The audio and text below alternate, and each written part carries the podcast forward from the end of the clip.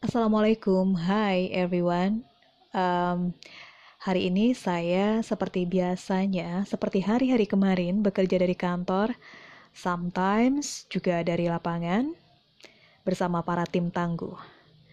Kami memang tidak bekerja dari rumah karena kami punya tugas utama, kewajiban, dan tanggung jawab memberikan informasi, memenuhi kebutuhan informasi masyarakat dan informasi yang kami sajikan ini berasal dari narasumber yang bisa dipertanggungjawabkan.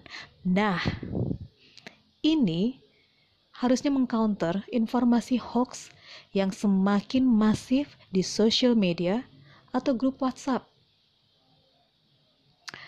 Well, um, handphone yang kita pakai ini kan smartphone. Gak ada salahnya kita belajar untuk menjadi smart people searching, kemudian cari website atau apa pun itu dari media-media yang kredibel, sehingga kita tidak andil untuk menyesatkan masyarakat ini dalam informasi-informasi yang nggak bisa dipertanggungjawabkan. Sebenarnya sesimpel itu. Cuman ya kadang lebih enakan jempol kita untuk segera sharing dan forward. Eh, mungkin kita bisa bangga karena sudah menjadi yang tercepat dalam menyampaikan sayangnya informasi hoax. But anyway, selain masalah berita hoax, ada yang lebih miris dan memprihatinkan saat ini.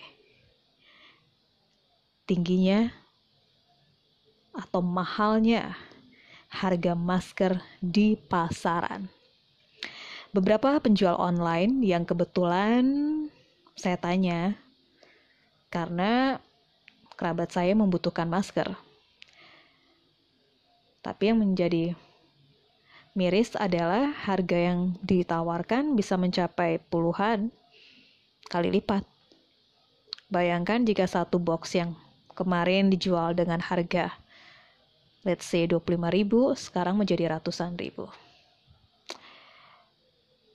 Saya mencoba untuk memaklumi bahwa penjual ingin mendapatkan keuntungan, ingin mencoba untuk memutar perekonomian yang mungkin dari usaha satunya terhenti karena ada sos karena adanya social distancing, kemudian mencoba untuk beralih profesi menjadi penjual masker, hand sanitizer, dan sebagainya.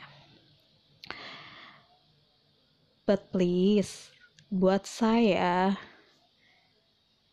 masker, hand sanitizer, atau sarung tangan, ini yang butuh bukan cuman warga atau masyarakat biasa, tapi para tenaga medis juga yang bisa aja itu keluarga kita.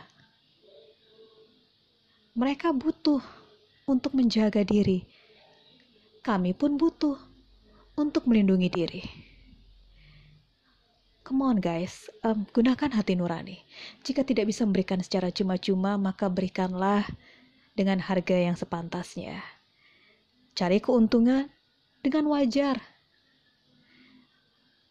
Karena jangan tambah keresahan di masyarakat dengan wabah COVID yang harus juga ditambah dengan susahnya mencari alat pelindung diri.